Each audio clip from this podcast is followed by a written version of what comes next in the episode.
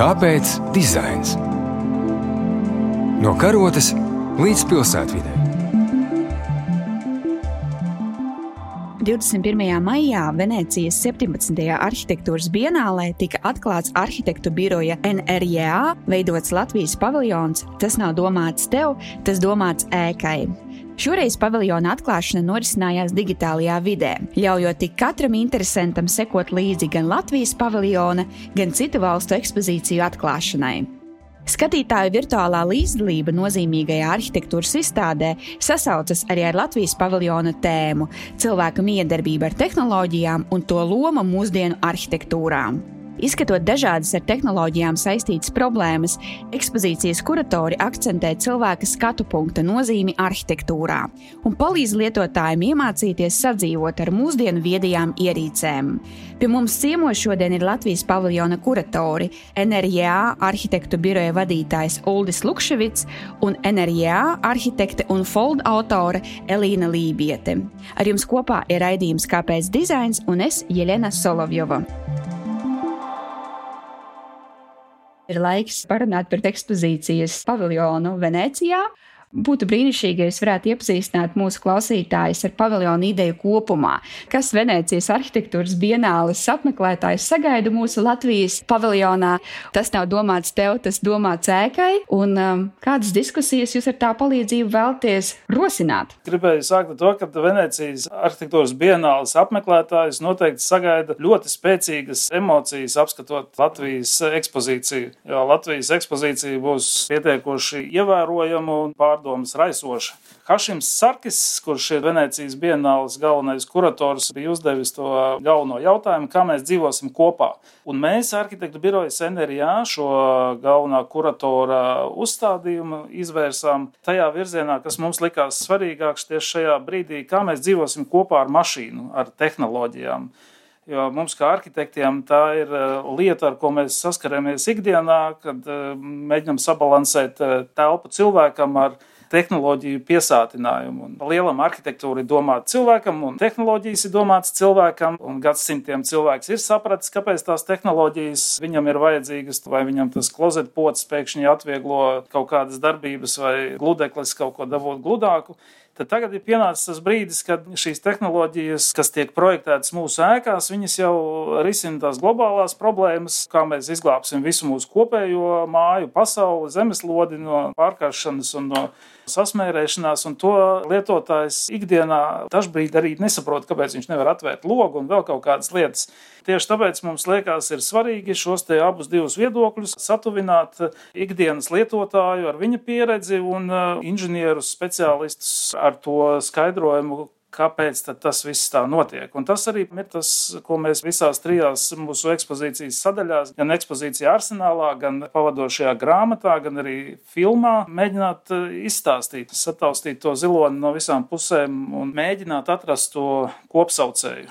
Varbūt ir kaut kas, ko tu vēl gribi papildināt par ziloni. Es varu papildināt ar to, ka mēs paši, kā kuratori, esam arī biroja iekšienē pieredzējuši to ziloņa taustīšanu. Katrs ar savu skatījumu, savām pieredzēm un savu viedokli. Un uh, man šķiet, ka mēs tajā apmeklētājā vēlamies replicēt zināmā mērā to pieredzi, ko mēs pieredzējām birojā, ka tie dažādie viedokļi sanāk kopā un ir kaut kāda zināma sadursme, bet caur tām dažādajām perspektīvām atklājas kopaina. Un, eh, no tā esam ieguvuši gan mēs paši, un es ceru arī, ka mūsu paviljona apmeklētāji un grāmatas lasītāji un filmu skatītāji. Varbūt, Elīna, jūs varat mazliet vairāk izstāstīt par saviem personīgajiem atklājumiem, iegūmiem, veidojot šo izprozes krājumu un analizējot šo ziloni istabā vai arhitektūrā, ko mēs saucam par tehnoloģijām.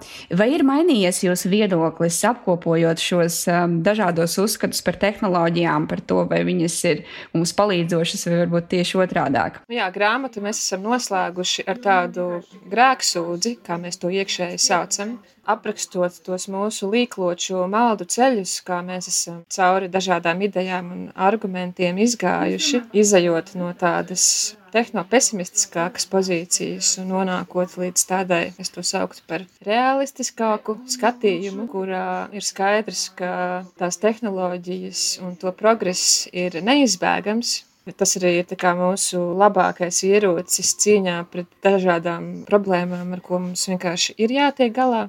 Un tās tehnoloģija nebūšanas un tehnoloģija neiedzības jau zināmā mērā atspoguļo vienkārši cilvēka dabu. Un tās problēmas, ar ko mēs saskaramies tehnoloģijās, patiesībā pārsvarā ir problēmas, kas rodas no cilvēkiem, kuras manifestējas tajās tehnoloģijās. Ja kaut kas vienkārši nav līdz galam izdomāts un uzdizainēts, tad tas manifestējas tehnoloģijās, un cilvēki ir neapmierināti ar to, ko ir izdarījuši kādi citi cilvēki. Tā kā tehnoloģijas ir rīks kaut kāda mērķa sasniegšanai, paši mēs esam tās radījuši paši par tām esam atbildīgi, paši par tām sūkstamies un esam dusmīgi. Bet nu, tā tas vienkārši ir un tā tas ir ar daudzām lietām. Un nereaģēt uz to arhitektūras un tehnoloģiju lietotāju pretestību arī mēs nevaram. Tas ir jāņem vērā neatkarīgi no tā, no kurienes tās problēmas rodas. Un tāpēc mēs gribam par to parunāt un tam pievērsties. Nu, kā Elīna teica, tā ir pandēmija, tā zelta maliņa, tas ir Elīnas citāts, ka nu, tajā nelaimē ir kaut kāds zināms arī bonus priekš mums, jo mums bija daudz vairāk laika to ideju caur sevi izlaist un nu, kādus varbūt vērtīgākus secinājumus pieņemt. Un arī plus vēl mēs to pandēmijas situāciju nelaidām garām vienkārši sēžot rokas klēpī salikuši domu laukumā Baltās nakts ietvaros. Mēs šo te Venecijas paviljona tādu transformētu versiju. Pirmo reizi Venecijas bienāļu pastāvēšanas vēsturē vispirms atrādījām Latvijas skatītājiem, un tagad viņi tikai tiek montēta Venecijā. Tas bija šī Venecijas ekspozīcija, transformēta, reaģējot uz pandēmijas situāciju. Visi bijām pārsteigti par to, ka mēs esam ieslēgti savā mājoklī, vienalga cik viņš liels bija, kurš bija pilns ar pagarinātājiem, lādētājiem un saviem laptopiem, un bijām spiesti sazināties ar digitālās tehnoloģijas palīdzību, un visi ar to tika galā. Arī mazi bērni tagad mierīgi lieto visas Zoom platformas un Microsoft Teams. Tas tikai pierāda to cilvēka tarakānu dabu, ka viņš izdzīvo un ir spējīgs mācīties daudz ātrāk, tad, ja ir spiedīgi apstākļi. Diemžēl ar klimata pārmaiņām tie apstākļi ir tikpat spiedīgi, taču varbūt nemanifestējas tik spiedīgos veidos, un tāpēc mēs neesam spējīgi uz to noreaģēt, tā kā mēs esam spējīgi noreaģēt uz pandēmiju. Un būtu jau labi, ja mēs varētu kaut kā pārnest to ātro noreaģēšanu un pielāgošanos uz šo te dubultu lielo problēmu. Ja es varu papildināt ar savu mīļāko teicienu no noslēguma esejas tajā pavadošajā grāmatā, kad lielākā daļa cilvēku apzināsies ekoloģiskās briesmas, kuras mēs ar tām tehnoloģijām mēģinām novērst tikai tad, kad tās rudzu druvas degs. Bet eh, tieši tāpēc tas skaidrošanas darbs un kopīgās sapratnes veidošanas starp parastiem lietotājiem, ēku un tehnoloģiju un inženieriem ir ļoti svarīga tieši šajā laikā. Degoši rudzi, tas izklausās ļoti poētiski, bet uh, ārkārtīgi interesanta doma, ko jūs paceļat. Tiešām tāds individuālais skatījums versus pasaulīgais, jeb kā ar tehnoloģiju palīdzību to pasauli mēs varam izglābt.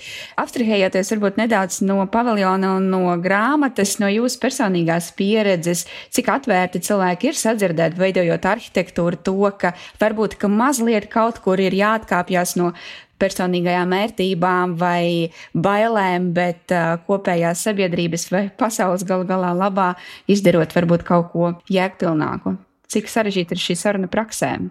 Ļoti sarežģīti. Ir tā, ka vēl joprojām attīstītājiem, vismaz mūsu platuma grādos, ir svarīgs tas cipars, ko viņi iegūst gala rezultātā, nevis visas mūsu zemeslodes kaut kāds labums. Līdz tam vēl ir jāaug gan individuāliem lietotājiem, gan arī lielajiem attīstītājiem, bet ņemot vērā Eiropas eh, zaļo politiku, Vanderlejenas bīdīto un to, ka no šī gada mums visā Eiropā jaunbūvis ir jābūvē gandrīz nulles enerģijas ēkas. Tas nozīmē, ka katrā ēkā būs veidināšanas sistēma, pieplūde, nosūce un rekuperācija un atkal tiek palielināts siltumizolācijas slānis, nu tādā veidā, lai mēs pēc iespējas mazāk kurinātu, pēc iespējas mazāk izmestu gaisā un, nu, tas viss uz kaut kurieni ved. Viņš varbūt vairāk ved eh, piespiedu kārtā, gandrīz kā likumdošana no augšas, nevis katra paša apziņas radīts tas pasākums ir, bet nu, tas arī ir veids, kādā veidā kustēties uz priekšu. Par to mazo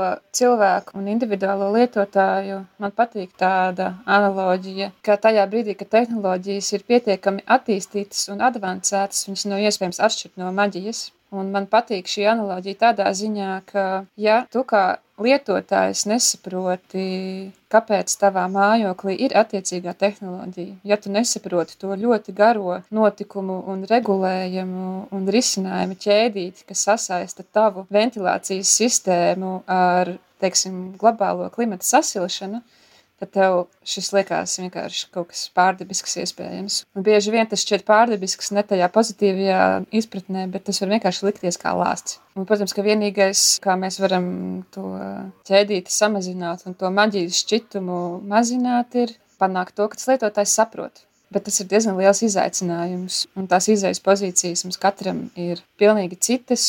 Tas tad laikam arī ir tas arhitekta vai dizainera vai inženieru uzdevums iespējams vai nu izdarīt to savu pakalpojumu, vai uztaisīt to savu produktu tādu, ka ir saprotams tieši, ko tas dara, vai arī padarīt to neredzamu, tā ka pat nerodās jautājumi.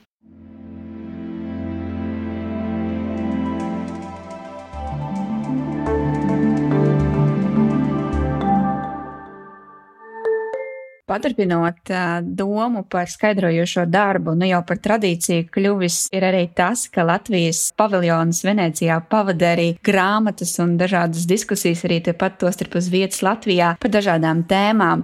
Tas notiek arī šogad. Kāpēc jūsuprāt ir svarīgi turpināt šo tradīciju, izdot grāmatas? Grāmatas izdot, nu kā tu jau minēji, ir Venecijas bienāļu tradīcija.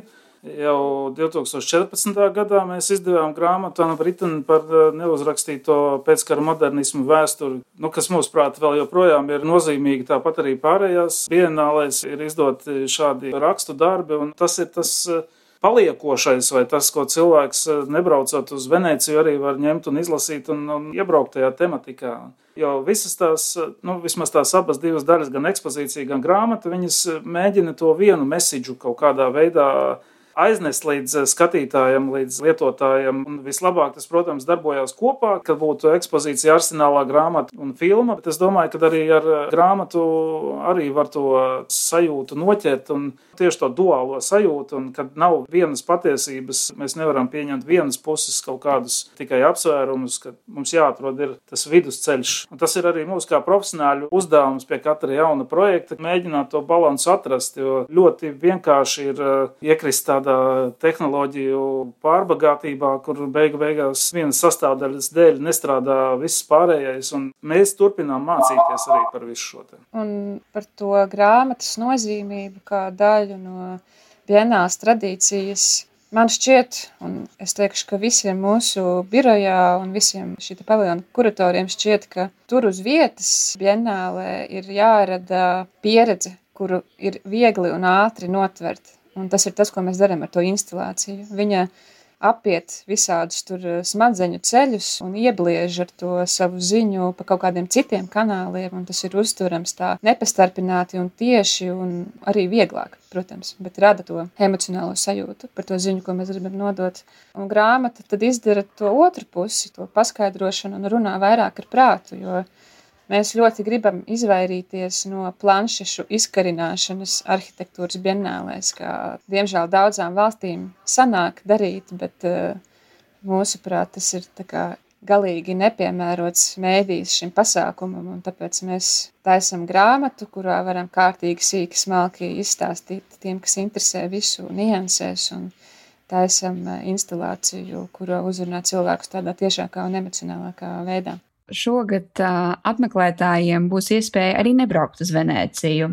Proti, uh, Latvijas paviljona atklāšanu būs iespējams vērot digitāli. Varbūt jūs varat mazliet vairāk izstāstīt par tām iespējām, ko piedāvās interesantiem digitālā Venēcijas bienāla šogad. Jā, man ir liels prieks zināmā mērā par to, ka visi ir spiesti nodrošināt šo digitālo pieejamību. Man šķiet, ka bienāles vienmēr ir ārkārtīgi elitārs pasākums, kas ir paredzēts ļoti kā, šaurai specifiskai publikai. Mēs ar savu instalāciju, un grāmatu un filmu cenšamies iet pret spālu šai tradīcijai un uzrunāt arī vienkāršo cilvēku uz ielas. Man šķiet svarīgi ir paplašināt to lauku ar cilvēkiem, kas tiek uzrunāti. Un tad šī digitālā klātbūtne lieliski kalpo šim mērķim. Mums ir plānotas divas digitālās atklāšanas. Abas divas 21. maijā vienai varēs pieslēgties caur portālu Delfi, otrai starptautiska publika varēs pieslēgties e-platformā Biennale Pavilions. Par šo visu informāciju ir atrodama mūsu sociālajos tīklos at Latvijas Pavilion 2021, un šis viss sniegs iespēju jebkuram, arī cilvēkiem, kas arī normālā, nepandēmijas gadā nevarētu aizbraukt uz Venēciju, iepazīties ar to, ko mēs esam izdarījuši, apskatīties, kā tas viss izskatās un eh, kaut ko no tā visa ir iegūt. Kāpēc dizains? Vēl es gribētu jums pavaicāt par jūsu motivāciju. Ulda, tu jau pieminēji, ka šī nav pirmā reize, kad jūs kā arhitektūras birojas līdzdarbojaties Latvijas paviljonu tapšanā Venecijā.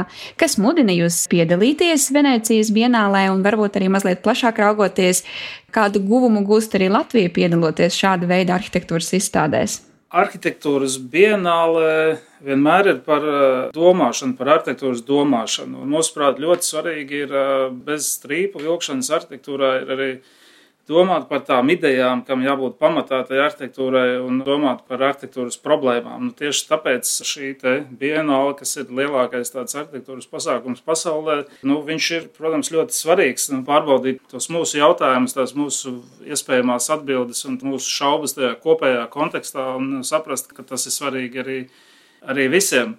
Otrs ir, mēs gribam, lai mums būtu interesanti, jo, lai kaut ko darītu un darītu labi, ir, ir jābūt kaut nedaudz interesanti. Un tieši tāpēc mēs arī piedalāmies konkursos un piedalāmies dažādās starpdisciplinārās lietās, nu, lai varētu to darīt labi, lai mums pašiem būtu interesanti. Mēs esam arhitekti, mums šis te viss interesē, šī problemātika interesē, un tāpēc mēs arī iespējams varam dabūt pietiekoši labu rezultātu arī ārā.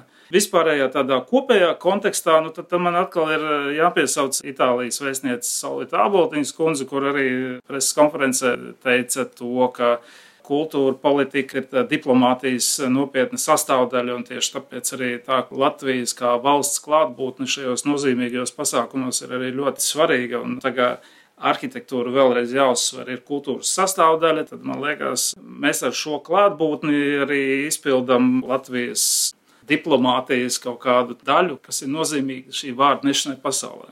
Varbūt Elīna, kāds papildinājums par motivāciju? Lūdzu, viss ļoti pareizi pateica. Nu, jā, piedalīšanās vai arī domāšana par arhitektūru vienmēr atspoguļojas praksē. Netiešā veidā tas atnāk atpakaļ pēc kaut kādiem, nezinu, pieciem gadiem, bet tas atnāk atpakaļ. Un otrs jau, protams, ir tas, ka vienmēr ir iespēja piedalīties globālā sarunā. Un man šķiet, ka mūsu paviljona uzstādījums un tēma šoreiz ir sanākusi tik aktuāla un tik globāla, cik nu vien var un ir saistoša jebkurā zemeslodes nostūrī. Un tās jau dažkārt ir tās labākās sarunas.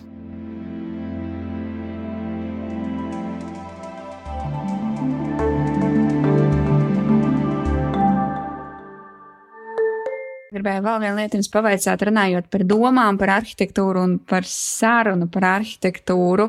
No globālā atgriežoties atpakaļ Latvijas mērogā, jūsu arhitektūras birojas arī gan aktīvi piedalās arī lokāla mēroga sarunās, skaidrojot par arhitektūras nozīmi, par modernisma nozīmi arī Latvijā. Kā jūs vērtētu šīs sarunas kvalitāti Latvijā un vai mums vajadzētu runāt par arhitektūru Latvijā vairāk nekā mēs to darām šobrīd? Protams, vajag runāt, un uh, vajag runāt tieši tajā brīdī, kad uh, tiek pieņemti uh, lēmumi. Nu, es teiktu, mēs esam arhitekti, mums noteikti ir jārunā tajā brīdī, kad mēs zinām, par ko runāt. Kā pilsoņiem, kā arhitektiem, tieši tāpēc arī mums bija svarīgi sargāt Elizabetes ielu divi šo, mūsuprāt, ļoti svarīgo Latvijas pēckara modernismu arhitektūras simbolu no tādas politiski konjunktūriski motivētas vēlmes viņu kaut kādā veidā noslaucīt no zemes virsmas. Zināmā mērā arī tas, un plus vēl vispārējā mūsu darbība un sajūta motivēja mūs izveidot arī to mada arhitektūras telpu Elizabetes ielā divi, kas bija vienīgā arhitektūras galerija, kāda nu mums ir bijusi, un šobrīd viņu vairāk nav, jo 1. aprīlī arī mēs tikām izlikt no Elizabetes ielas divi ārā, bet nu, šī mazā galerija viņi paspēja uzņemt 15 dažādas izstādes par arhitektūru un ap arhitektūru kas noteikti ir ļoti svarīgi, jo tā atsaucība bija tiešām liela un, un palika vēl saraksts ar potenciāliem dalībniekiem, kuri būtu gatavi piedalīties, bet eh, nepaspēja, jo māja šobrīd ir slēgta un visi nodokļu maksātāji turpina maksāt par šīs tukšās ēkas uzturēšanu, jo tāds ir šobrīd politiskais lēmums. Es varbūt piemitināšu par mēda arhitektūras telpu, kur mēs varējām izpriecāties ar savu arhitektūras domu. Man šķiet, ka tas bija ļoti labs lakmusa papīrs, saprast tam, vai cilvēki ir gatavi runāt par arhitektūru, vai viņiem tas vispār interesē.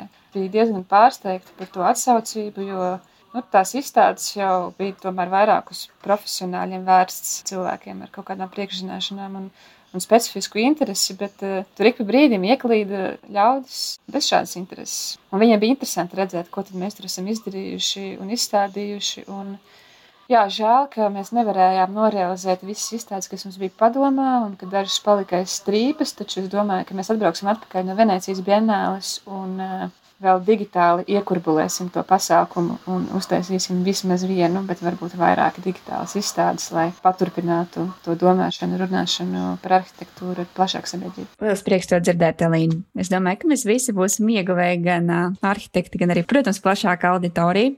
Vai ir kaut kas, ko jūs paši varbūt vēlaties papildināt, jo es savus jautājumus esmu izsmēlus? Nu, es atļaušos pareklamēt to, ka mūsu grāmatu var iegādāties rakstot mums sociālajos tīklos vai uz e-pastu Latvijas paviljonu 2021 at nrj.lv, kā arī grāmatnīcās Roberts Puks un Mr. Page. Nu, burvīgi, paldies, Elīna! Paldies par šo sarunu. Lai jums ir izdevusies vienāle un gaidīsim jūs atpakaļ sarunas veicināšanai un arī ar jauniem iespējām un iedvesmu no Venecijas. Paldies, Lārs!